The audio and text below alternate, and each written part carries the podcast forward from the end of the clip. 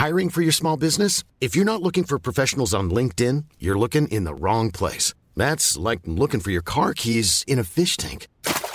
LinkedIn helps you hire professionals you can't find anywhere else, even those who aren't actively searching for a new job but might be open to the perfect role. In a given month, over 70% of LinkedIn users don't even visit other leading job sites. So start looking in the right place. With LinkedIn, you can hire professionals like a professional. Post your free job on linkedin.com slash people today.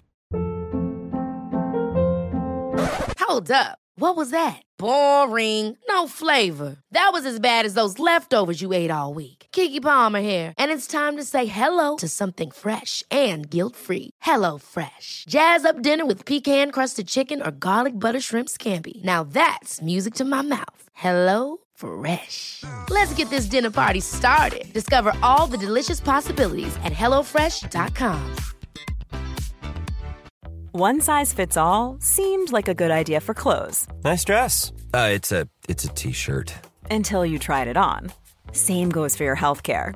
That's why United Healthcare offers a variety of flexible, budget friendly coverage for medical, vision, dental, and more. So, whether you're between jobs, coming off a parent's plan, or even missed open enrollment, you can find the plan that fits you best. Find out more about United Healthcare coverage at uh1.com. That's uh1.com. Eftersom att det är fettisdagen idag så tänkte jag bara kolla med er grabbar om ni har käkat något semlor idag. Absolut. Jag var iväg på Ica lite tidigare och där och köpte två stycken godingar. Härligt. Har du ätit båda? Ja, jag har faktiskt sparat, sparat på en.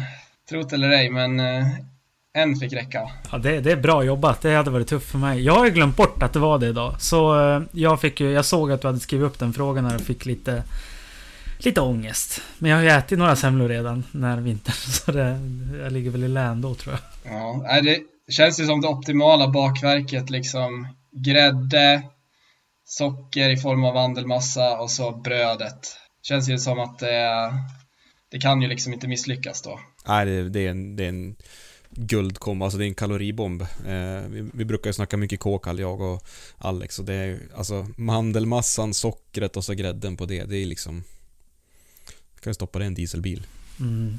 Men vad, vad, vad, vad föredrar du för semlor Alex? Du sa att du hade ätit några år redan. Ja, en- en vanlig semla. Det ska vara standard för dig liksom. Ja, de från Fjällkonditoriet här i Lofsdalen, nyöppnade. De är jättegoda.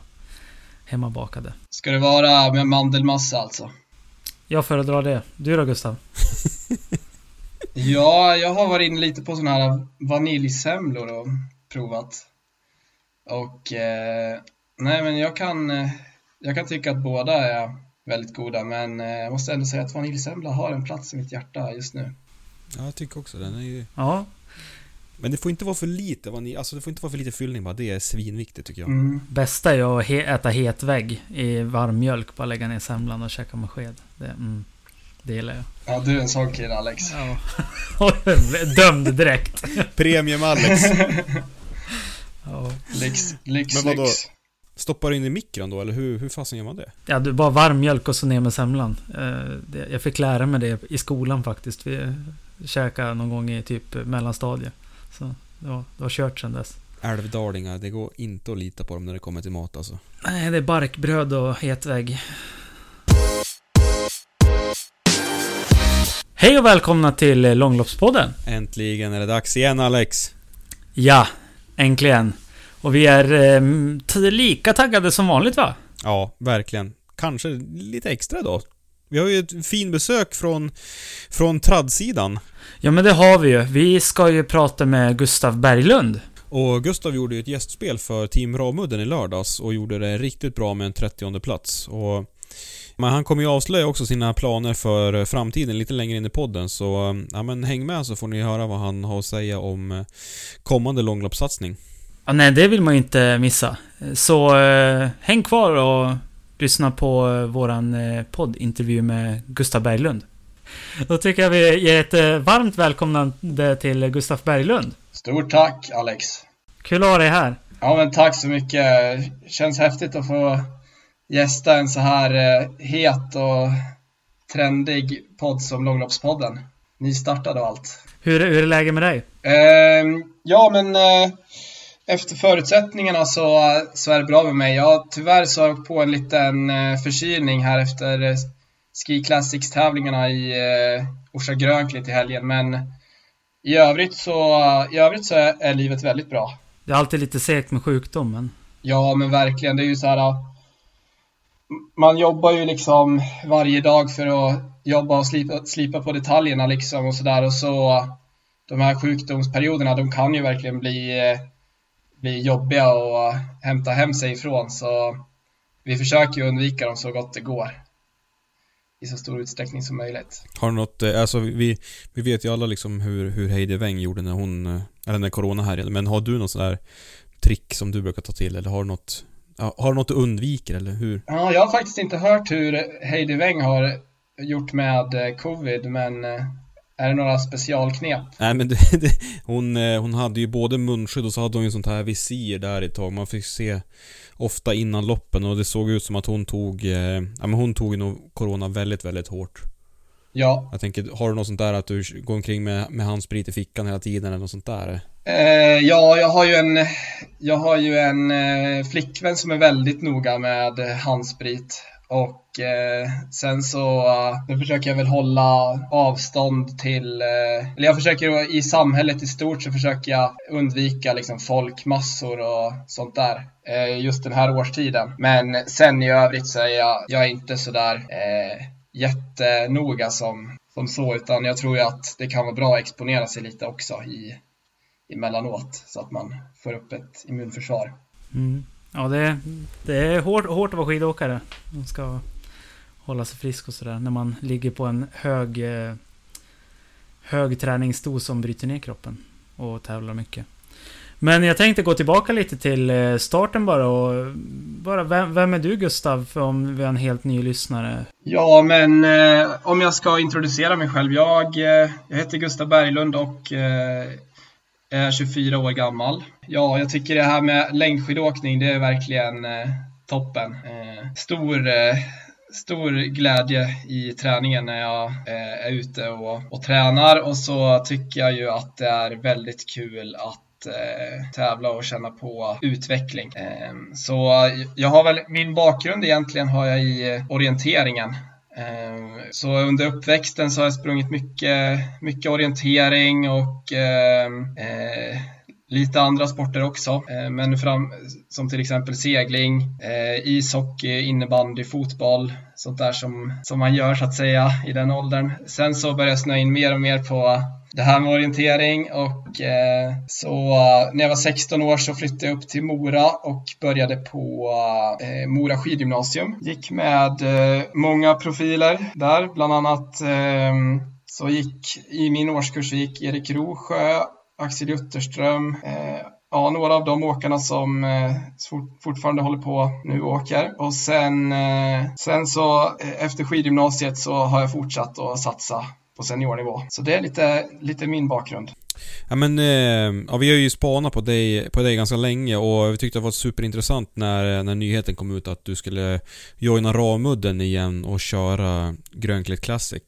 Skulle du kunna berätta lite grann om hur... För du åker ju egentligen i princip alla distanser. Alltså vi har ju sett resultat från både sprintar, 15, 20, alltså alla de här traditionella normaldistansloppen. Men också en hel del skidmaraton, en hel del långlopp och... Ja, men hur, hur kommer det sig att du liksom lyckas, alltså att du kan köra alla distanser och liksom vilka egenskaper är det, är det som krävs för att kunna köra en så pass, ett så pass brett upplägg? Eh, ja, jag upplever mig själv som eh, en eh, ganska så komplett åkare som eh, du säger. Nackdelen är väl att den här riktiga spetsen mot någon av distanserna, den kanske jag saknar. Ehm, men eh, som du säger, jag, jag gillar att jag åker eh, skidmaraton, eh, jag åker sprint, jag åker skate, jag åker klassiskt. Egenskaperna som krävs det är väl att, att vara liksom nyfiken på alla tekniker Eh, och inte dra sig för att liksom diagonala, staka, skata, köra impulser, köra fem timmars pass. Eh, jag skulle säga att jag tränar väldigt mycket i hela registret så att säga. Att jag tränar både både sprint och eh, långlopp. Ja, för det var min, näst, alltså min, min följdfråga där. Hur, hur lägger du upp träningen? Alltså, jag tänker, det är sjukt intressant att höra. För Alltså, går du ut och tänker att idag är det ett sprintträningspass eller idag är det ett, ett, pass för att bygga kapacitet eller idag är det ett pass för att göra det här och det här eller hur, liksom, vilket mindset har du när du kör, alltså när du går ut på ett pass liksom en, en onsdag eftermiddag?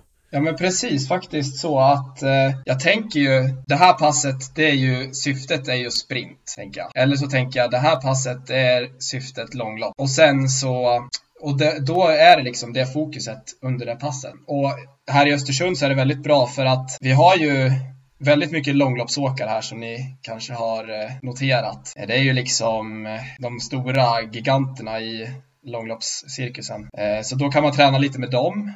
Och sen så finns det också de här typiska sprintåkarna. Så vill man ha väldigt bra sparring på sprint, då kan man ta hjälp av dem. Så lite så tänker jag att man får jobba. Vad kan det vara för sprintåkare? Vi har ju koll på långloppsåkarna ganska bra från tidigare avsnitt, men vilka sprintåkare brukar du åka med då? Ja, men eh, då kan det vara till exempel ehm, ett impulspass där eh, Marcus Grate, eh, Oskar Svensson, Johan Ekberg, Måns Skoglund, Kalle Rune, den typen av sprintåkare. Ja, det är inga små pojkar det inte.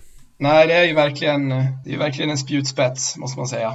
Men du tränar på något vis mot att typ, det är lite så här torer tänker jag och lite världscup uppställning overall och sånt där. Alltså kunna vara jäkligt bra på mycket. Jag tänker lite typ eh, Dario Colonia, tänker jag liksom. Han har ju varit väldigt bra på allt. Och...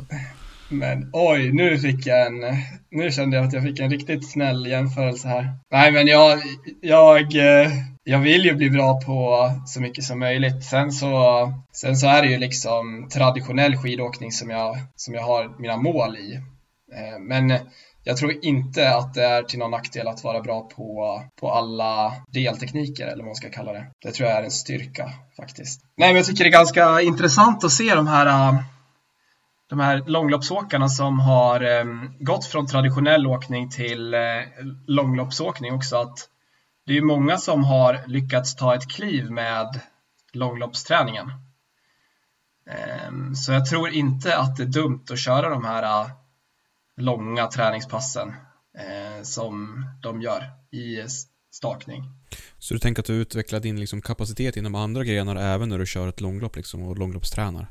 Absolut. Intressant. Finns det någonting, alltså finns det någon sån här specifik grej som du har plockat med dig från, ja men tänk stakning och långlopp eh, som du liksom, nå någonting eh, konkret som du kan plocka med dig till vanliga traditionella lopp? Att staka i uppförsbackar. Det tycker jag är eh, någonting som man kanske inte kör så mycket på i, i tradd. Man stakar ju mycket platt och mycket utför. Eh, eller ma, utför, sluttande utför. Eh, och eh, man får ju sällan träna på uppförstakning. Eh, men jag tror, blir man bra på långlopp då kan man staka lite längre upp i backarna och spara energi på så sätt. Så det är nog en del. Så länge det inte är några teknikzoner då? Ja, precis. Och sen så, sen så att man inte fastnar i någon sån teknikzon som du sa Max också. Att, så att man har koll på det. Ja, ja, det var ju några som åkte dit nu på SM också. Mm, tänkte nyss nämna det att det var ju några som föll då på det. Ingen nämnd, ingen glömd. Eh, Nej men är superintressant att höra och jag tänkte bara avsluta liksom den träningsdelen med för, för du, du kör ju för, för långlopp för Team Ramudden och jag tänker det är ju två stycken otroligt tongivande alltså legender eller superkaraktärer eh, i Ramudden. Alltså jag tänker både på, på Lina och Gustav Korsgren. Jag tänker hur...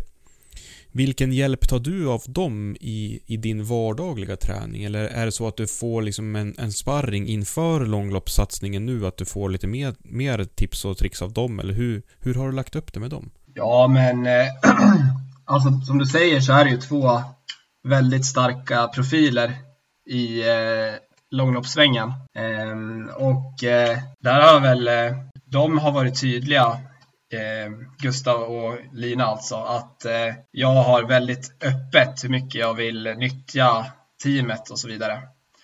Ehm, så jag har valt att, eh, att eh, åka för dem på långlopp och få hjälp och väldigt bra förutsättningar med skidor och, och service. Och eh, sen så sen så har jag liksom kontakt med dem också och, och eh, får den här, eh, lite den här teamkänslan som man får i ett långloppsteam. Mm. Eh, jag tänker vi har, vi har anledning att komma tillbaka till, till Gustav Korsgren och, och, och Ramudden lite senare. Eh, jag tänkte vi ska göra en liten segway över till eh, Grönklätt Classic.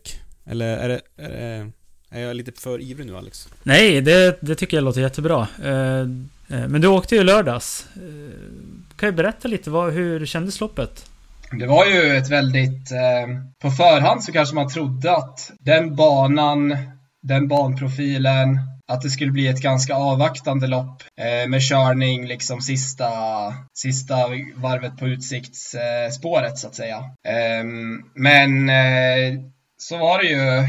Det var ju några där som valde att sätta upp ett rejält tempo. Eh, så det blev ett, eh, det blev ett högfartslopp istället. Eh, jag vet inte, följde ni loppet från tv-skärmen eller? Vad, vad var era? Från mobilen in i pistmaskin. Oj, ja den är ju, den är ju fin. Håller du dig? Håller du dig? Det där får vi inte lyfta ut. Nej, jag tänkte det också. Jag vet inte. Nej men eh, jag, jag, jag satt och, och jag satt bänkad framför TVn faktiskt och... Mm, jag tyckte det var alltså... Om man tittar på Gisarska hur det var, så var ju det ett lite annorlunda lopp mot vad vi sett i år. Det var väldigt mycket stötande, det var, det var liksom dåligt före. Det var mycket småryck, mycket utbrytningar, mycket försök till utbrytningar, inhämtningar, teamkörning. Ja men det var väldigt händelserikt. Och jag måste säga att det här loppet var ju minst likadant. Det var ju ett, om precis som du säger, otroligt hög fart från början. Ja. Och ett jädra drag. Nej, det, det, det var hög fart precis hela tiden. Ehm, det var liksom så här äh, några kilometer som, som klungan körde lite avvaktande på, men annars så var det ju full kubbning för att försöka plocka in eh, Nils Persson. Ehm, så om vi backar tillbaka lite tidigare så hade vi ju egentligen din teamkompis Alfred Buskist. Han drog ju jäget skyhögt tempo från början. Och skulle ju vara...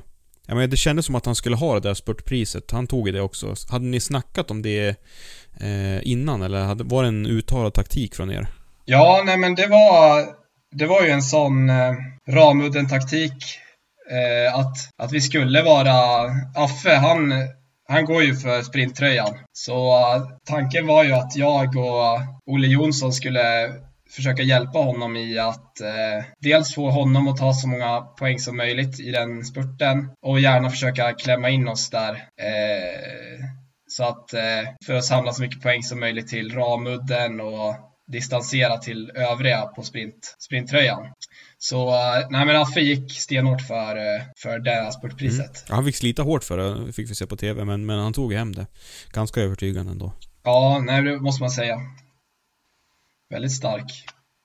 Men eh, det var, det var lite ryckigt där efteråt, men till slut så, så släpptes ju... Um, så släpptes ju Nils Dahlsten och Claes Nilsson iväg.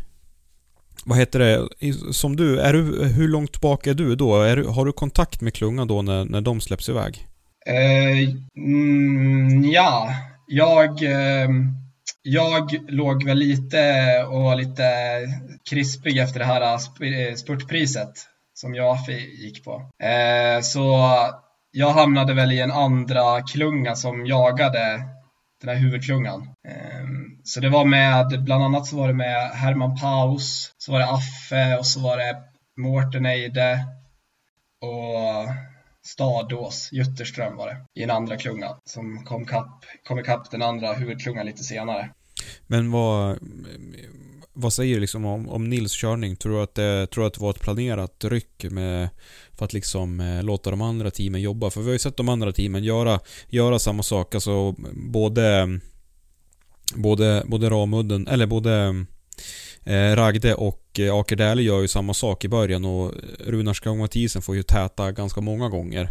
Jag tänker, var det där ett, ett medvetet drag från, från lager och låta för Emil han får ju världens resa in till mål. Alltså, tror att det var ett medvetet dra la drag? Ja men 100 procent. Jag tror att eh, de hade räknat ut det där på förhand. Att eh, Nils skulle försöka gå. Eh, det förutsätter ju väldigt mycket press på de övriga teamen som får göra ett stort jobb. Eh, som du säger i sändningen, man ser ju hur, hur eh, ja, men, eh, Runar och de, de sliter för att försöka täppa det, men eh, och de ödslar mycket. Eller nej, inte, inte Runar, men eh, Stakston var det väl som, eh, som fick jobba ikapp mycket och då sliter det ju på krafterna hos övriga team. Och det är ju samma man ser på Jizerska också med, med Ragdes taktik på slutet där, att det är ju mycket, det är ju mycket lagtaktik som spelar in. Ehm, så jag tror absolut att det var räknat att det skulle bli så. Det känns ju som en Ragde-grej att göra det där. Det är inte första gången de gjorde det på Jisärskan, utan det har ju hänt några gånger att de skickar iväg åkare efter åkare och till slut är det någon som sticker iväg och då ligger de bara och tar det lugnt bak i klungan. Eh, men det var ju kul att det inte bara är de som lyckas med det. Ja, nej men visst är det mycket, mycket så de jobbar känns det som i, i Ragde med eh, laget. Mm. De brukar väl skicka fram Johaug och de brukar väl stöta Johaug och eh, eh Kardin. Ja, nej, och jag kommer ihåg man såg liksom eh, Vasan i fjol. Alla ligger liksom och bara kör i uppförsbackarna sista fem kilometrarna. Jag vet inte hur många gånger man såg liksom Karsten var uppe och nu såg jag, jag såg ju bara sändningen här alltså. Men eh, jag såg ju verkligen hur Karsten var uppe och körde liksom varje uppförsbacke för, ny, för Nygård som vinner sen. Liksom. Ja, de är duktiga det, och du är inte den enda som har tagit upp det där. Ja, han kunde ju surfa med bra där. Ja, det var ju Andreas inne på också. De är jäkla duktiga på just den där lagtaktiken. Och Vasan, de stack verkligen ut i fjol alltså. Ja, det var riktigt imponerande. Ja, då var det Emil som fick göra det tuffa jobbet. Ja, men sen eh, eh så... För Claes Nilsson är med i utbrytningen där eh, tillsammans med Nils Persson från Expand. Han kör ju med Gärdalens lag och då tänker man att ja, men då kan ju Gärdalen få lite, lite surf och ligga bakom. Men ja, han fick inte riktigt det. Och Claes Nilsson får ju släppa sen efter ett tag och jag tror att det är, jag tror att det bara är några kilometer som Claes Nilsson är med. Och Nils han håller ju ända tills det är bara några kilometer, typ en, en dryg mil kvar tror jag för mig. Ja, det är riktigt starkt. Det är länge som man är i utbrytning. Ja, ja det var över minuten, det var det. Jag tror han hade drygt två minuter, eller nästan två minuter ett tag det var. En och en halv i alla fall. Mycket möjligt att det var något sånt. Ja, han gjorde ett jäkla jobb där. Jag kan säga en fun fact också under loppet. Eh, jag upplever ju att det var många som inte visste att, eh, att eh, eller i alla fall där jag var, som inte visste att Nils var loss. Att det gick inte riktigt, det var ingen som sa det som, så jag hörde det riktigt, utan jag åkte, jag åkte länge utan att veta att Nils, Berg, Nils, Nils Dahlsten var loss. Men hur, hur agerar ni i klungan? Alltså, får ni höra det sen då, eller hur? Du fick höra när det gick i mål? Ja, jag fick höra det efteråt.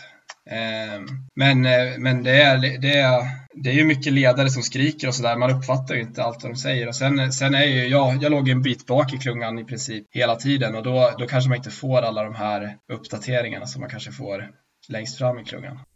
Men vad, vad, vad var känslan i klungan liksom? Att, att ni försökte hålla undan bakåt eller att ni försökte jaga framåt? Um, nej, men det var ju fart var ju liksom känslan i klungan. Eh, ja, eh, nej men så det var ju jaga framåt. Det var känslan. Eh, men eh, med 11 kilometer blev Nils infångad och Westerheim drar ju direkt då. Mm. Och sätter upp ett högt tempo med 5-6 kilometer kvar. Eh, kändes det av? Eller var det samma eh, kubbning hela tiden? I det läget då har jag flugit av så det bara sjunger om det. Eh, så, där, så där är nog jag säkert en minut efter klungan i det läget. Eh, så jag vet inte riktigt exakt hur det, hur det gick till. Ja, men det som kändes när man såg och tittade på TV i alla fall, det var ju att, att eh, ja men nu kanske det, när Nils blev infångad, då kände man att, ja men man fick ju se att, ja men nu kommer han bli infångad. Då tänker man att, men då kommer tempot gå ner. Men eh, Ja, det tog ju inte en sekund utan Westerheim gick ju fram direkt och så sen stack han iväg så att det vart ju till liksom superryck och han hade ju minst samma tempo som Nils hade när han stack iväg så det var ju ett sjukt fartfyllt lopp och jävligt roligt att se alltså action från start till mål. Eh, det måste man verkligen säga. Ja, det håller med. Det blir ju mer eh, det blir som lite dramaturgi när det blir sån här fart i eh, loppen. Det blir som ett, det blir som ett, liksom, ett drama när det är någon som sätter fart. Ja, Ja, verkligen. Ja, man var lite nervös där på slutet. Det, det var många kilometer där det var mycket strider om positionering och sen så hade jag eh, mycket koll på Nortugg som låg väldigt långt fram där. För jag blev nedsnackad i förra podden när jag frågade om ah, kommer han på pallen snart? Och de bara nej, nej, det är inte möjligt typ. Men han kom ju femma i mål va, var det? Ja, alltså det måste ju vara, det måste ju vara helgens stora utropstecken. Petter Northug tillbaka i eh, långloppstoppen liksom. Ja, för han låg ju länge, han låg ju länge fram först till och med när det var, var det en kilometer kvar eller? En och en halv kanske? Då låg han ju där fram och han, eh, han stängde ju nästan Emil, för han är ju ganska bra på att positionera sig, Petter. Ja. Så det kändes som att han och Emil slängde ut sig samtidigt, men Petter låg ju före, så han stängde ju nästan Emil några gånger. Eh, och det tyckte jag var lite kul, för annars brukar Emil, eller inte att Emil blev stängd, men att det var någon annan som också hittade fram på, på det där viset. Ja. Eh, Emil eh, lyckades hitta luckor ändå sen då. Nej, men eller hur? Det känns, det känns som att han åker väldigt smart, Petter Northug. Han har ju de här takterna kvar sen, sen sina glansdagar på tradd liksom, med positionering. Ja. Ja men verkligen, ränderna går aldrig ur.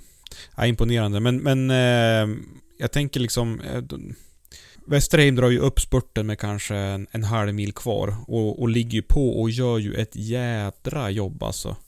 Eh, jag vet inte riktigt vad han har för objektiv då, men det känns som att han, han drar lite väl tidigt för att både Max Novak och eh, ja, men Emil Persson får ju en drömresa in på spurten. Istället för att liksom låta någon av deras lagkompisar göra jobbet så, så gör ju Westerheim jobbet åt alla liksom. Jag vet inte, han bränner ju sina broar där känns det som. Eh, men samtidigt var det ju en sjukt, sjukt, sjukt rolig spurt vi fick se. För det är ganska lång, det är ganska långt upplopp ändå i, i, eh, i Orsa. Ja, lite långt och lite svagt uppför också. Men, nej, men jag håller med. Det, det känns som att det var några som fick, eh, som fick en fin resa in mot den här spurten av, att, av Westerheims förning. Liksom. Ja, det var, det, var, det var riktigt kul att se och alltså vi har ju Emil Persson på första plats, Max Novak på andra och de, det är de det står om egentligen då. Sten Holgård är ju kanske inte känd som den, den vassaste spurtaren men gör ju ändå ett bra upplopp. Men, det man måste lyfta förutom Petter Northug, det är ju nummer fyra, Thomas Joly från Frankrike. Det är ju en riktig prestation från en fransman. Frankrike som kanske inte är känd som liksom, den allra största långloppsnationen. Nej, sjukt häftigt. Mm. Jämngammal med dig. Så han är ung och Är han 98? 98. Ja. Jäklar. Mm. Så det är ju roligt om de får upp någon åkare också så vi slipper, eller slipper. Det är ju det är kul att se svenskar där uppe men det är väldigt mycket norskar också. Det är ju tur att det kan komma upp en fransman och putta ner dem lite. Så. Ja, det känns bra. Eh, Men eh, du, eh, du startar ju inte på söndagen. Nej, precis. Han du bli sjuk till då? Ja, jag kände väl egentligen på uppvärmningen att jag hade som lite skum känsla i kroppen och eh, typ lite tryck över öronen, men inte mer än så. Eh, och sen så körde jag loppet och så kände jag att jag började få så här, eh, lite motstånd när jag svalde. Så då direkt när jag kom i mål på eh, tävlingen, då, så, då hörde jag av mig till Lina och sa att nej, jag, eh, det är nog dags för mig att åka hem för jag känner mig inte helt hundra. Eh, och sen, sen i bilen på väg hem då började det bli mer och mer liksom hosta och snuva. Och sen eh, typ, ja men här måndag, tisdag har jag ju haft, eh, ja det var väl i, mest igår där, då hade jag ju riktig feber och frossa och sådär så det blev en eh, liten sjukdom på det här. Ja. Så du kände av det redan under lördagens lopp alltså? Ja, va, vaga symptom kände jag. Så jag var väl lite sådär i valet och kvalet om jag skulle starta. Eh, för det, var under uppvärmningen jag kände att det var väl inte helt normalt. Eh, men jag valde ändå att, att göra en start och så upptäckte jag ju vilka jäkla skidor jag hade i första utförsbacken så då var det då blev det ännu mer motivation att fortsätta. Men eh, jätteintressant att du, gud vad bra du berättar. Jag tänker, eller egentligen i huvudsak då, tror du att det påverkar din prestation? Att du kände det liksom redan på uppvärmningen att någonting inte är riktigt som det ska? Alltså för du, du, du vi måste ju ändå säga att du åker in på en 30 plats och det är ju en svinbra placering. Men hur, hur, bara att du vet att du har den här känslan över öronen och att det är lite motstånd när du sväljer. Påverkar det liksom din prestation under loppet? Eh, jag tror inte att det påverkar jättemycket. Jag tror att eh, det är nog... Eh, jag är ju liksom inte sjuk när jag startar. Eh, eh, utan ja, det är väl i så fall lite mentalt att man blir, att man blir, eh, ja men ska jag verkligen ge mig iväg nu eller är det, vore det klokast att vila? Det är väl mer den känslan kanske som påverkar mig. Eh, men sen så jag är ganska inne på det att, eh, eller jag, jag tror ju inte att eh, min, själva min prestation hade inte blivit bättre om, om det inte hade varit så. Att jag blev sjuk efteråt. Mm. Ja, intressant. Kul att höra ditt resonemang. Eh, men jag tänker, det här loppet, eh, damernas eh, Damernas lopp, det handlade ju egentligen om, om en sak. Ont i magen. Och det var ju magar. Vet inte om du har sett det Gustav efteråt eller? Jo men absolut. Både Emilia åker ju, åker ju för oss. Så jag fick, fick höra om det som hände. Mm. Ja, var så... Alltså först, först får man ju se Magne liksom där... Alltså det känns ju som att magen vändes ut och in på henne och, mm. och liksom hon får... Hon kastar ju upp allt som finns i magen ser ut som. Eh, Oskar Svärd säger ju i en intervju att hon, hon har normalt sett inte en känslig mage men det... Ja, det kan ju hända den värsta liksom, eller hända den bästa liksom men... Ja, man ser det där som hände Emilie så blir det ju... Alltså jag vet inte hur, hur, hur ni känner men jag har ju gått och väntat på hennes seger. Och det kändes ju som att... Ja, hon hade en jädra fin chans att ta sin första seger här i lördags alltså. Och så händer det där. Nej, det är... Som du säger Max, att det var ju lite så att man eh, tänker att, att eh, hon, snart så är det Emilias tur och sen så, sen så händer det här liksom. Ja, ja men eh, det var, alltså luften gick lite grann ur mig. Eh, för, dels så tog det liksom udden utav tävlingen.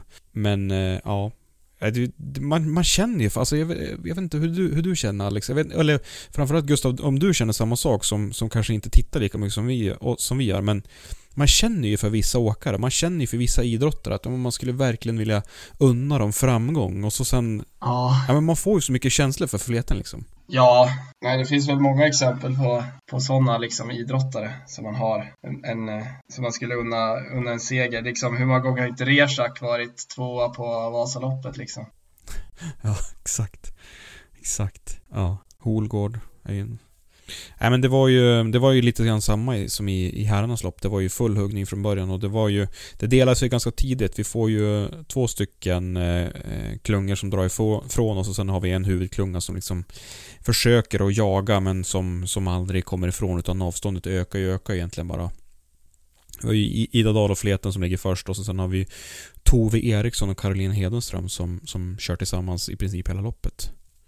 Men du Tove Eriksson, det kommer som en liten surprise för oss. Eh, jag tänker, hade du koll på henne innan Gustav eller? Eh, ja, men eh, vi har ju varit på, um, på uh, i Team Svenska, hon har varit i Team Svenska Spel Junior och jag har varit i Team Svenska Spel eh, Östersund. Eh, så vi har haft eh, ett gemensamt läger i år tror jag. Ehm, så jag har, eh, jag har lite koll på Tove Eriksson. Det är en intressant, eh, det var ju en väldigt intressant start i helgen. Att hon... Eh... Hade du kunnat förvänta dig att hon kör så bra på ett långlopp redan före eller är det lite överraskande för dig med?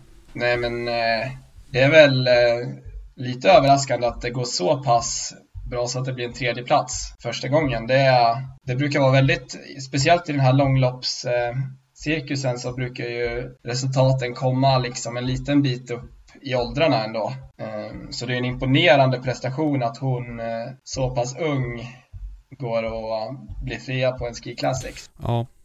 Ja, det var häftigt. Riktigt kul. Hoppas vi får se henne i fler lopp och kul att de förstärker Enkon också. Det är det verkligen. Um, är det någonting annat ni lägger märke till under damernas lopp som ni vill lyfta fram? Carolina Hedenström kör med ett jäkla självförtroende nu, känns det som. Uh, och det är hon ju värd. Hon kör ju skitbra. Uh, men uh, den där pallplatsen var, var nog en liten krydda. Och det, det blir kul, kul att följa henne framöver. Kändes som det lossnade lite för Karro efter eh, Gisärska. Att eh, hon åker med väldigt mycket pondus. Och ser bra ut tekniskt också i stakningen. Ja, jag tycker det är tydligt att hon har en sån... Eh, ja, men hon strålar ju verkligen. Hon har en jäkla utstrålning så att... Ja men kul och um, alltid kul att man kan glädjas åt andras framgång. Ja det lär vi göra. I alla fall vi som inte tävlar. körde en och en halv mil idag i alla fall i, i glidtempo. Så det, det är bra. Bra Alex. Ja, tack, tack. Försöker du liksom kombinera pistmaskinskörning och träning? Ja, jag sitter väldigt still i pistmaskinen så jag är ute och röra mig lite efter. Eh, men eh, det blir lite, lite träning faktiskt. Men det är lite roligt att köra när man har dragit spåren själv faktiskt. Så man, man måste passa på ibland och se, se hur det har blivit. Vad man kan göra bättre nästa gång. Eh, du nämnde för intervjun började att du brann lite extra för en sak angående det här med skidor och så. Kan du berätta lite om den? Um, tidigare så i november så brann ju Vasaloppslagret i eh, Mora, i Hemus. Och eh, då brann ju, dels så brann ju hela Vasaloppets, eh, ja men alla bänkar, alla läktare, alla skyltar, liksom eh, pistmaskiner, eh, kärl för sportdryck, blåbärssoppa, eh, jättestora värden som brann upp. Och så brann ju IFK Mora skidklubbs eh, saker också upp alla våra vallor, alla våra verktyg och borstar och eh, testskidor. Det var en tjej i klubben som fick hela sin skidpark uppbrunnen. Mm. Ja, det är Johanna, jag tror man har hört om det va? Ja, precis, Johanna Lundgren.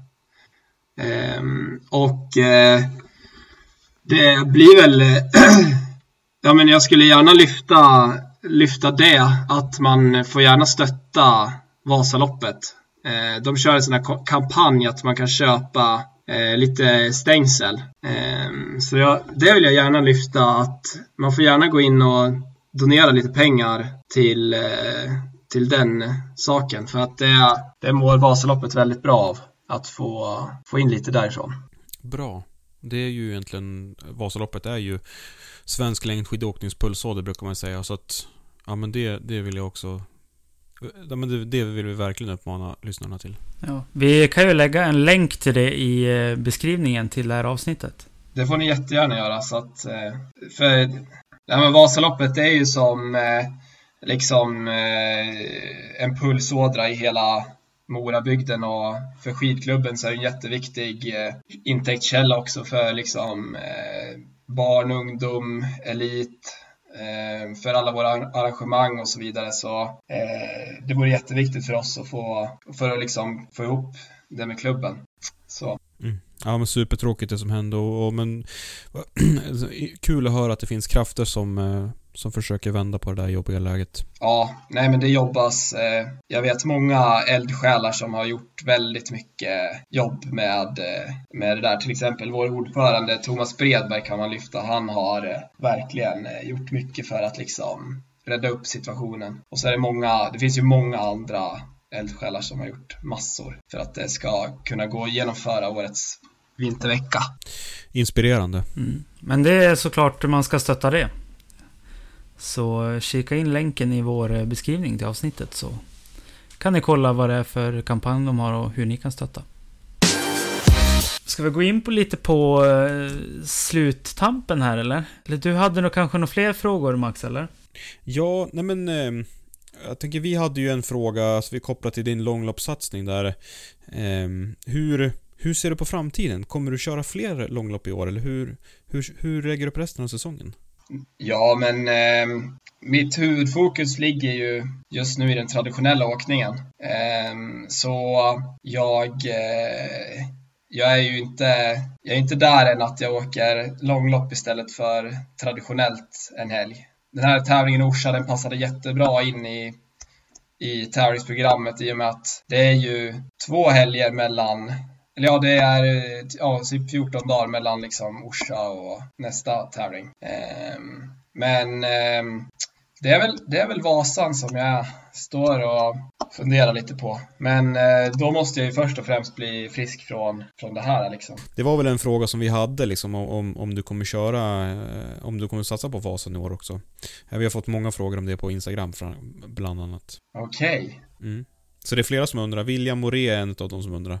Ja, nej men jag kan, jag kan varken dementera eller eh, bekräfta, men det, det känns eh, Det känns faktiskt rätt avlägset att jag ska stå på på starten i Bergaby nästa, näst, nästa söndag.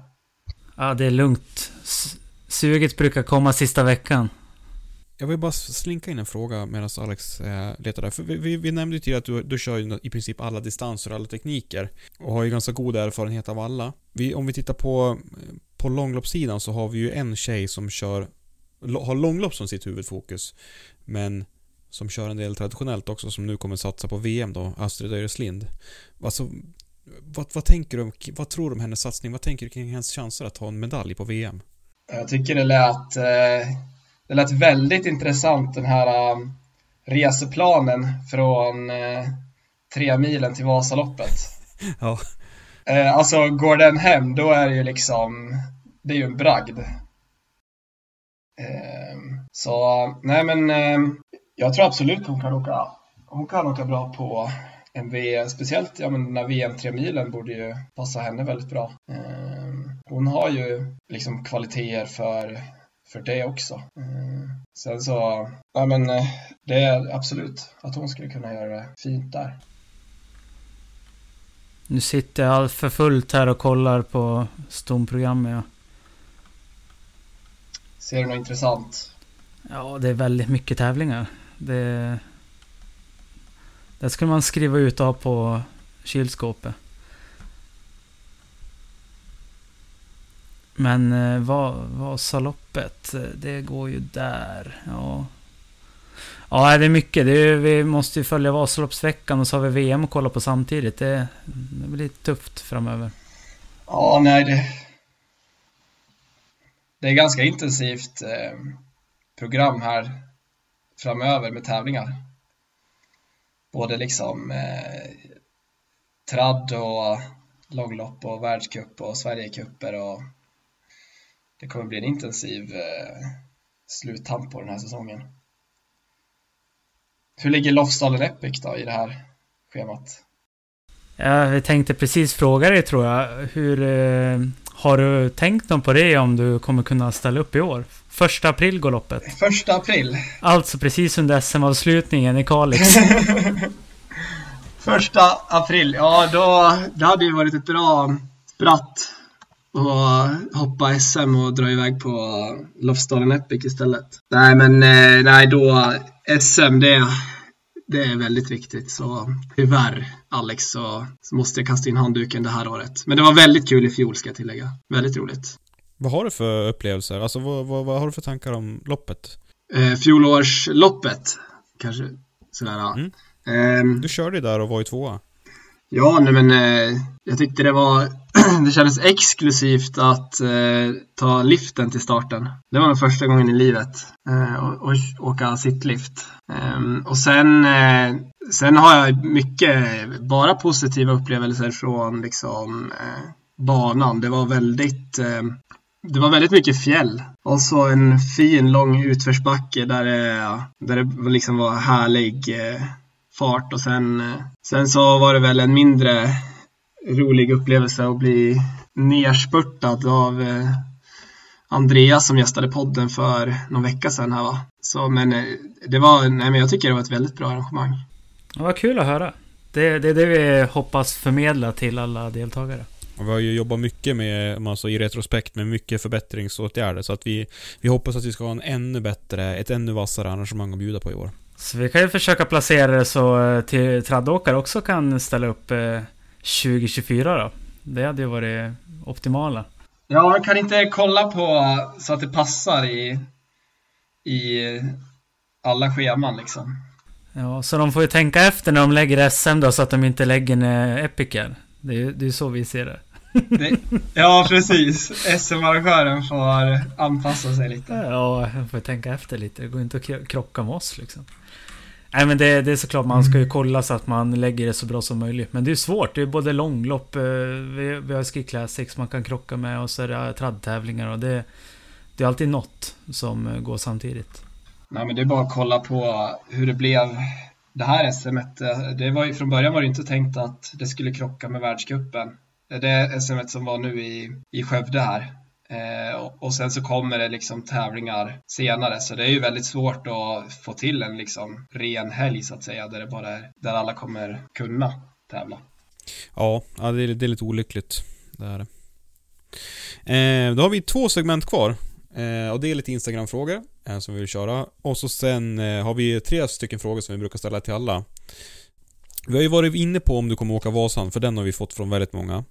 Eh, men sen har vi eh, fått en fråga från din eh, teamchef, eller teamkollega, Gustav Korsgren. Jaha, Gurra skickar in en fråga.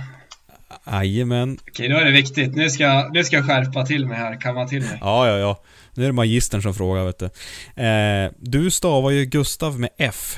Alltså Fredrik. Ja. Hur ofta brukar du påpeka det?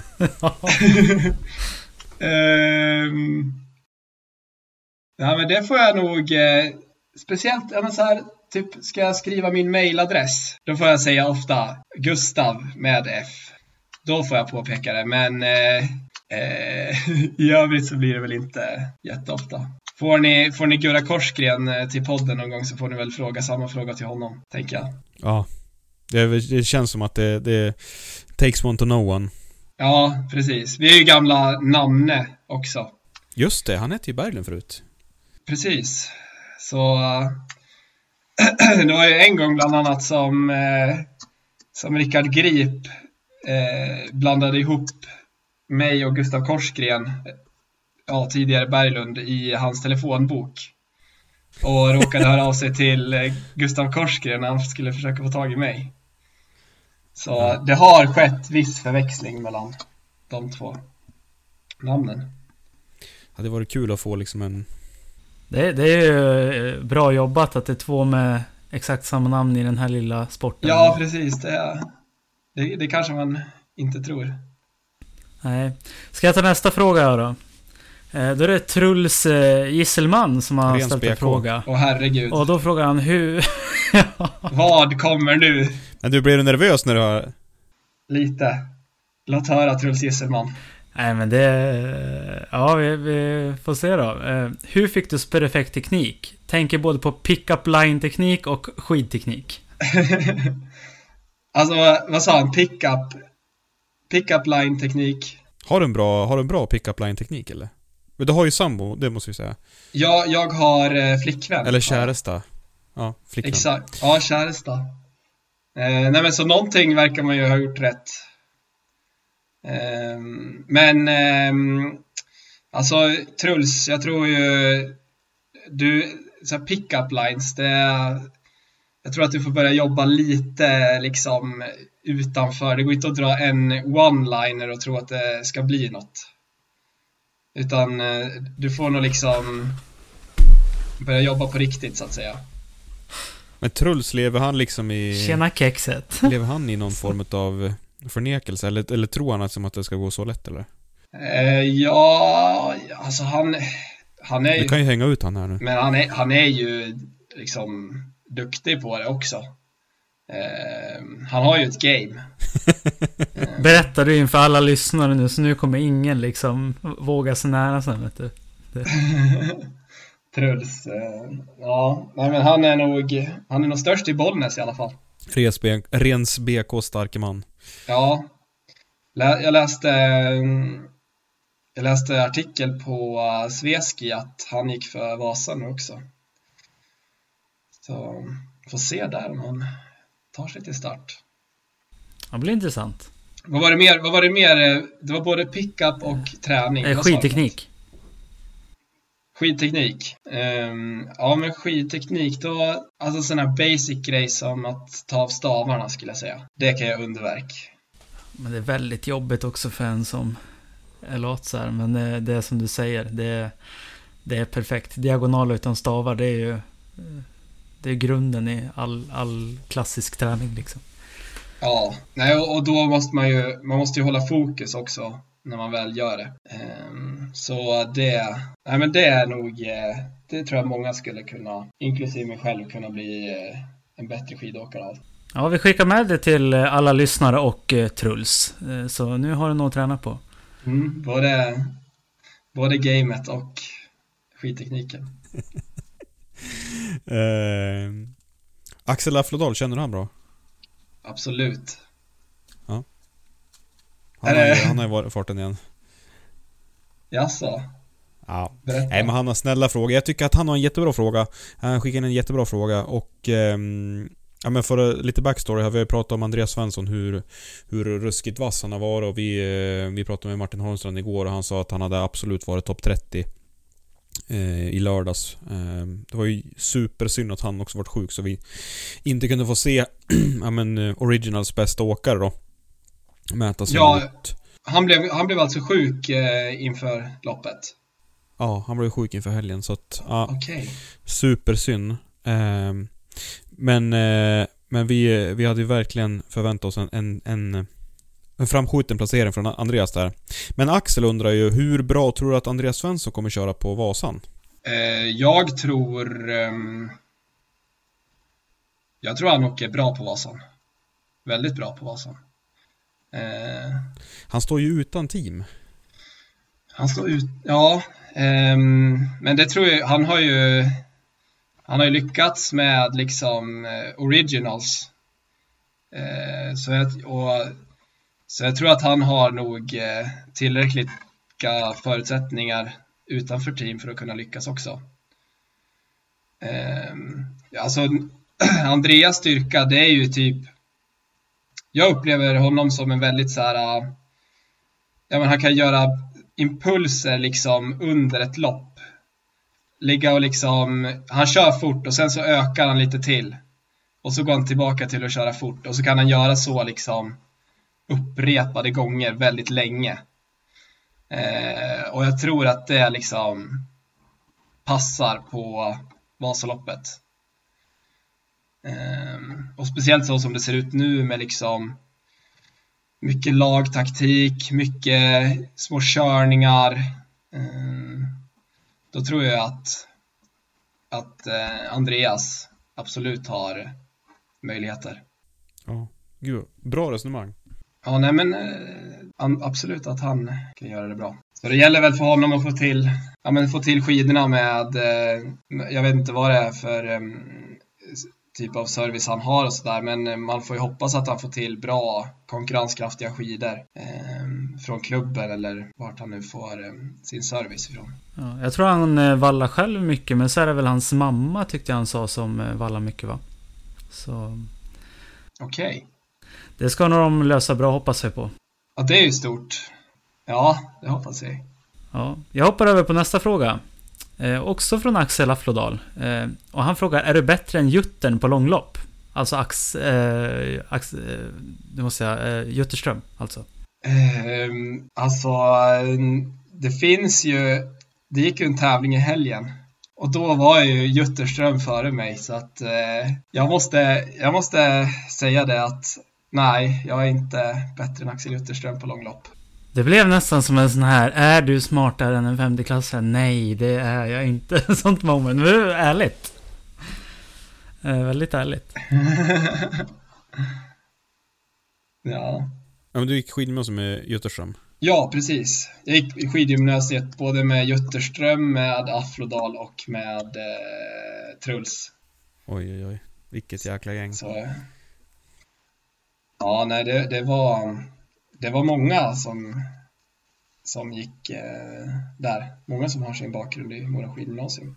För vi har fått en, en fråga från en som heter Sara Andersson. Var det någon också som gick skidgym med, med dig? Sara Andersson, eh, Mora Sara Andersson kanske? Säkert. Ja, nej men hon, eh, får se hur gammal är hon? Hon kanske är typ 03. Jag tror att hon började ett år efter att jag slutade skidgymnasiet. Ska inte svära på det, men jag tror det är så. Hon är ju syster eh, till Joel. Ja, just det. Så är det ja. Ja, men hon undrar vad, vad, det, vad det busigaste du gjorde under skidgymnasietiden. Alltså känn- kändes som att den där, den där kvartetten som du räknade upp alldeles nyss, att det kan ha varit lite pranks där eller? Absolut. Oj, det busigaste. Eh, Ja, det allra värsta, det kan man nog faktiskt inte ta med i den här typen av den här typen av forum. Jag sa ju det Max, jag sa att de inte kunde säga det. Men jag kan försöka bjuda på någon, eh, någon luring. En gång så um, var vi ute och åkte rullskidor. och så, så var vi på väg upp till, eh, det finns ett ställe som heter Bergkarlås i Mora. Och så på vägen upp så eh, ser vi på vägen att det ligger en påkörd ekorre. Eh, så tänker vi inte så mycket mer på det, men vi lägger det på minnet liksom. Så fortsätter vi passet. Jag tror vi åker typ, eh, vi kanske åker bort till eh, Orsa och så vänder vi. Så åker vi hem. Eh, och sen så på kvällen så är det en eh, tjej som har busat lite med oss under dagen sådär. Och så då så uh, bestämmer vi oss för att spela ett spratt då på henne. Så vi kommer ihåg den här ekorren. Så tänker vi att vi ska hämnas på allt bus som hon liksom har gjort på oss då. Eh, så då tog vi bilen upp till Bergkalås, hämtade den här ekorren och så åkte vi tillbaka till Mora, la in ekorren i hennes hallgolv och sen så stängde vi dörren. Och det blev ett jäkla liv alltså när hon eh, fick se syn på den där ekorren. Alltså, eh, kom det fram sen att det var ni? För annars så måste vi ju... Annars måste vi ju anonymisera det här på något sätt. Absolut, nej men hon, eh, hon fick reda på att det var vi. Ja. Så, eh, nej men det där hade vi lite kul åt ett bra tag efteråt. Ja, oh, jävlar. Ja, det här är alltså de snälla grejerna Gustav pratar om nu. Jag sa det, jag kunde inte dela med mig av det allra värsta vi har gjort. Nej, jag förstår det, jag förstår det. Ja. Eh, men, ja, men vi vill bara sätta så att alla kommer ihåg det, att det finns värre.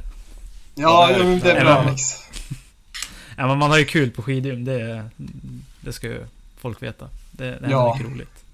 Ja, jag vaknade av en uh, stor uh, tetra yoghurt i ansiktet på ett läge till exempel. Det tyckte de var väldigt roligt uh, mitt i natten. Så det är mycket sånt där liksom. Va? ja, det var, det var hårt i Sveg. Just det, du gick i Sveg ja. Det kan jag tänka mig att ni var hårdföra där i Sveg. Ja, bitvis. Bitvis. Men jag tror, jag tror inte det var så mycket värre än alla andra. Har de inte att leka med Svegarna? Ja. Men vi har ju en fråga kvar. Eh, och den är från eh, Mr Originals, eh, Martin Holmstrand. Och han undrar om du leder några segment på Strava i Sigtuna? Oh. Mm. Tänker han rullskidor eller tänker han löpning då? Eller han kanske tänker... Vilken sport Martin? oavsett. oavsett. ja, det skulle, vara, det skulle vara något rullskidsegment i så fall. Eh, som jag har eh, det finns ett som, eh, eller Sigtuna, det ska tilläggas, det är väldigt platt i Sigtuna. Ehm, så det går ju, det går ju inte att göra så spännande segment och sådär. Men det är ju mycket så här eh, en, över en åker och så. Och där har jag väl eh, kanske något segment. Så, men jag har inte liksom, det är inte som vissa andra som är så local legends som har liksom alla, alla segment på en ort. Det finns ju några exempel. Ja, jag har nog, för jag har också, jag har nog minne av att, kan det vara eh, några moringar, typ eh, Axel Jutterström och de här som ha, hade några sådana här eh, segmentspass de körde i Mora när de var ute och försökte ta?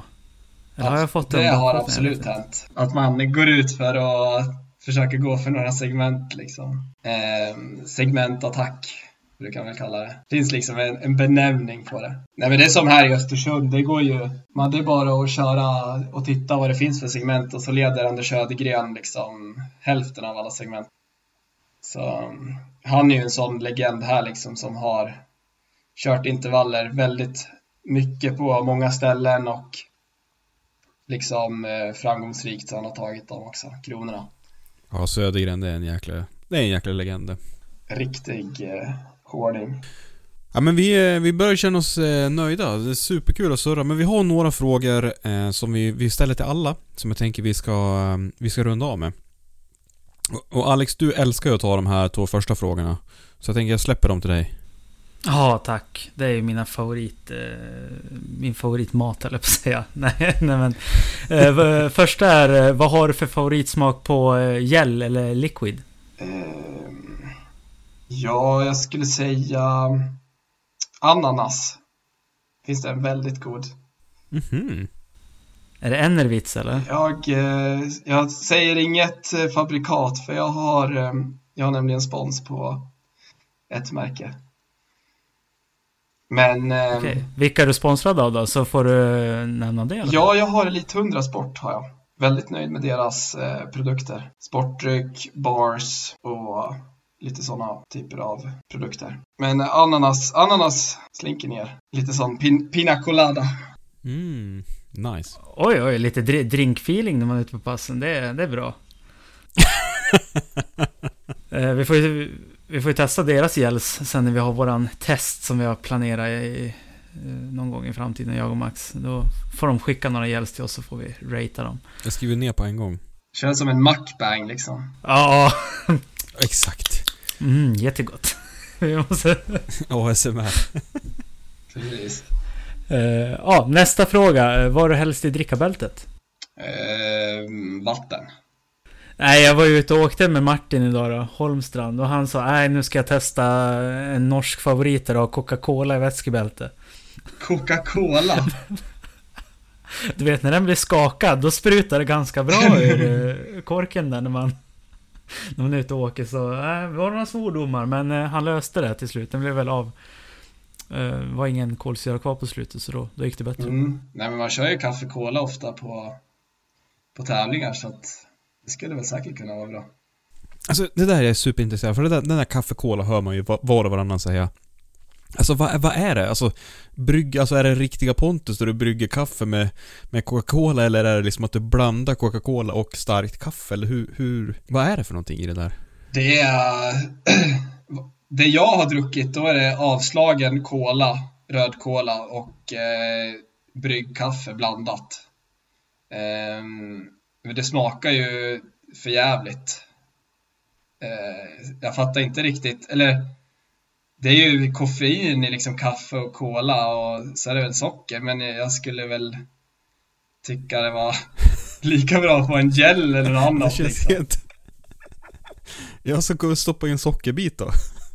Men det är ganska nice. Jag fick det där av någon, eh, någon eh, klubbkompis. Det var inte planerat i läder på Vasan någon gång. Och det var så jäkla nice liksom. När man var, jag var ju slut alltså. På Vasan. Så då, ja jag tyckte det var bra. Som en liksom chock för munnen bara shit nu kör vi liksom. Ja, ja men nu, nu kom det liksom in lite ny energi. Eh, Man, man kände verkligen att man drack någonting. Det var inte vatten som slank ner utan det, det kändes att det var något i den där muggen. Ja, jag förstår att det vänder sig i magen på folk när de har... Ja, får, får kaffe cola serverat. Ja, nej men det där, eh, det där måste vi kolla upp Alex. Kanske vi kan göra någon fältstudie på det där någon gång. Ni får lägga med den i mackbangen kanske. Ja, det måste den verkligen vara. En, en liten bubblare, en joker. Nej men och sista frågan som vi, som vi ställer till alla, det är om du har någon eh, intressant person som, eh, som du tycker vi ska intervjua. Mm, alltså det finns ju så mycket intressanta människor i den här sporten. Ehm, men ehm, i och med att det heter podden så tycker jag väl att inom den genren så vore det intressant att höra något om, eh, ja, eh, nu ställde ni mig lite på spets här, men eh, mm, Jutterström tycker jag ju, det är en intressant individ. Han, eh, han skulle jag råda er att fråga. Ja men det är flera som har föreslagit eh, Axel och det, det, det är på gång nu snart tror jag. Vi, vi försöker planera lite framåt och sådär men det... Jag har ju sagt det flera gånger också till Max att eh, jag vill att vi ska ha en intervju med Axel. Så det kommer. Ja men härligt. Det är, han är genomsnäll den killen alltså. Det är riktigt bra polare. Alltså, det, det är ju det som, det är den uppfattningen jag har av dig också, av det här korta samtalet liksom. Genomsnäll, superödmjuk, eh, otroligt trevlig. Allmänt positiv till allt känns det som att du är. Oj, tack. Nej men jag tycker det är väldigt, jag tycker det är verkligen är toppen med att åka längdskidor och eh, nej men det, är- det är faktiskt roligt att gå ut på morgonen och genomföra träningspassen och eh, alltså det är som en höjdpunkt på dagen. Så kul att höra att det, att det spiller över, att man är positiv. Jag vill säga stort tack till eh, dig Gustav för att du har varit med. Eh, Jätteintressant och som eh, Max sa tidigare, väldigt ödmjuk och eh, ja, bra, bra snack kring eh, skidor och vad det betyder för dig också. Det, det är jättekul att höra. Ja, men tack så jättemycket för att ni på Långloppspodden har bjudit in mig hit och att ni vill ha med mig. Mm. Ja, vi hoppas vi får se dig i fler, fler långlopp framöver och, och hoppas att vi stöter på dig i framtiden också. Ja, det är mycket möjligt att det blir fler. Jag hoppas såklart att det går bra i tradden också. Fast vet du långloppspodden. Ni är inte så att ni, det är bara långlopp som gäller utan ni Tradde funkar också. Absolut. Ja, vi, vi, vi, tycker ni, vi tycker ni är skidhockare också. Nej men det, det är ju såklart eh, att eh, vi håller på alla som åker skidor. Vi, vi står för en eh, bred, ett brett skidåkar-community. Det är det vi vill göra, bredda sporten överlag. Så. Det är såklart vi är det. Kungligt. Men eh, supertack för att ha varit med. Så ses vi säkert eh, på någon tävling någon gång. Vi ska väl ut och åka vi någon gång eller kika sådär. Så då, då ropar vi hej. ja men det låter bra. Då får vi morsa. Så får ni lycka till med Lofsdalen Epic också. Tusen tack. Tack. Tusen tack. Tack, tack. wow, vilken bra intervju. Ja, ja men... Eh, är fantastiskt kul och det var, men som vi pratade om, det är Alltså han har ju en, en otrolig utstrålning Gustav och det, ja, jag kände bara ja, Otroligt, alltså vad härligt det var bara vara liksom i, i samma rum som han, nu var det i samma chattrum men alltså Fasen vilken jäkla utstrålning, vilken positiv energi han utstrålar alltså. Ja, det var riktigt härligt. Ja. Ja, ja men han är ju superschysst. Jag har ju träffat honom några gånger tidigare och snackat så här och det, det är samma känsla här så jag hoppas det verkligen har förmedlats över till er som lyssnar på det här. För vi, vi har haft en riktigt eh, bra stund med Gustav här i den digitala världen som det blev då. Men eh, vi hoppas vi ska få träffas ute på tävling mm. någon gång. Och vi påminner också om, om det Gustav sa om, om eh, Vasaloppets förråd och ja, men, eh, skidor som brann ner och vallar som brann upp. Supertråkigt och hoppas vi i, i, i det härliga skidcommunityt kan hjälpas åt och, och se till så att vi kan återuppbygga det här Vasaloppslagret. Ja, Vasaloppet är ju inte bara till för just Vasaloppet eller långlopp utan det är ju en viktig tävling för hela Sverige. För att få folk att börja åka skidor. Så nu hjälps vi åt. Mm. Det gör vi verkligen. Hör du Alex, vi ser fram emot Tjejvasan eh, nästa helg. Ja, det gör vi. Nu drar ju Vasaloppsveckan igång. Det blir ju det är festvecka hemma i Eversberg. Eh, så man, är, man har ju lite eh, jobbigt nu när man inte är där. Får se om man tar någon snabb tur hem för att känna på stämningen. Jag förstår. Är det lite FOMO eller? Ja, ja. Ja, ja. Eh, väl, verkligen. Eh, och att inte stå på startlinjen på Vasaloppet har ju också blivit en slags ångest. Så vi får väl se. Som jag sa till Gustav att eh, sista veckan, det är då det börjar suga till alltså. Då, då kan det hända att man råkar anmäla sig, men eh, vi får se. Ja, härligt. Nej men och, och, mm, det vi kan säga också att av avsnitten framöver så kommer vi fokusera lite mer på eh, Epic-satsningen som vi, som vi har. Vi eh, är ju båda eh, arrangörer utav Lofsdalen Epic och eh, vi kommer ju lägga ner mycket tid på det här framöver. Så att vi, eh, vi hoppas på att vi ska kunna bjuda lyssnarna på liksom en insikt bakom kulisserna och eh, ja, men lite smaskig info kopplat till både loppet och efterfest och ja, men allting som har med loppet att göra. Ja, ja men det ska vi verkligen bjuda på. Vi har ju också sagt att vi ska prata med Martin Holmstrand på Originals eh, som är högst involverad i det här. Han sköter ju hela kuppen och han är här nu i min lägenhet faktiskt, detta nu. Vi har varit ute idag och filmat och kollat igenom banan. Det är lite nydragningar så... Ja, det är mycket nyheter som kommer framåt nu. Lite filmmaterial, poddmaterial. Så... Eh, mm. Underbart. Har vi något att se fram emot på sociala medier? Ja men det har vi ju verkligen. Så... Det är bara att hålla ögonen öppna så kommer vi lägga ut lite. Mm. Eh, tills nästa vecka då ska jag försöka prova kaffe och cola. Alltså jag måste verkligen få känna hur det känns i munnen alltså. Jag tror både jag, tror både jag ska köra riktiga Pontus-varianten när man gör kaffe och så stoppar man i cola i kaffebryggen. Och så sen måste jag prova att blanda riktigt, riktigt, riktigt starkt bryggkaffe och cola. Ja, ja det, blir, det blir en upplevelse. Ja, det blir en ny kaffebryggare låter det som efter det där. Ja, så kan det nog vara. Vi är tillbaka nästa vecka med nersnack av Tjejvasan och eh, uppsnackning utav Vasaloppet. Ja, det, det är vi. Vi är tillbaka då. Så tack för att ni har lyssnat idag. Mm. Tusen tack. Ha det så gott allihopa. Ja, ha det. Hej då! Hej.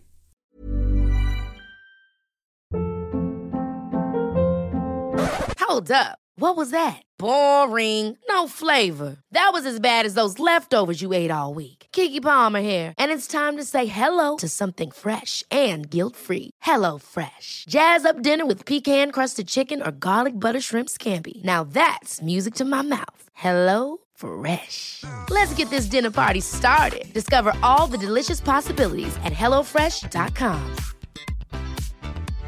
Hey, it's Paige DeSorbo from Giggly Squad. High quality fashion without the price tag. Say hello to Quince.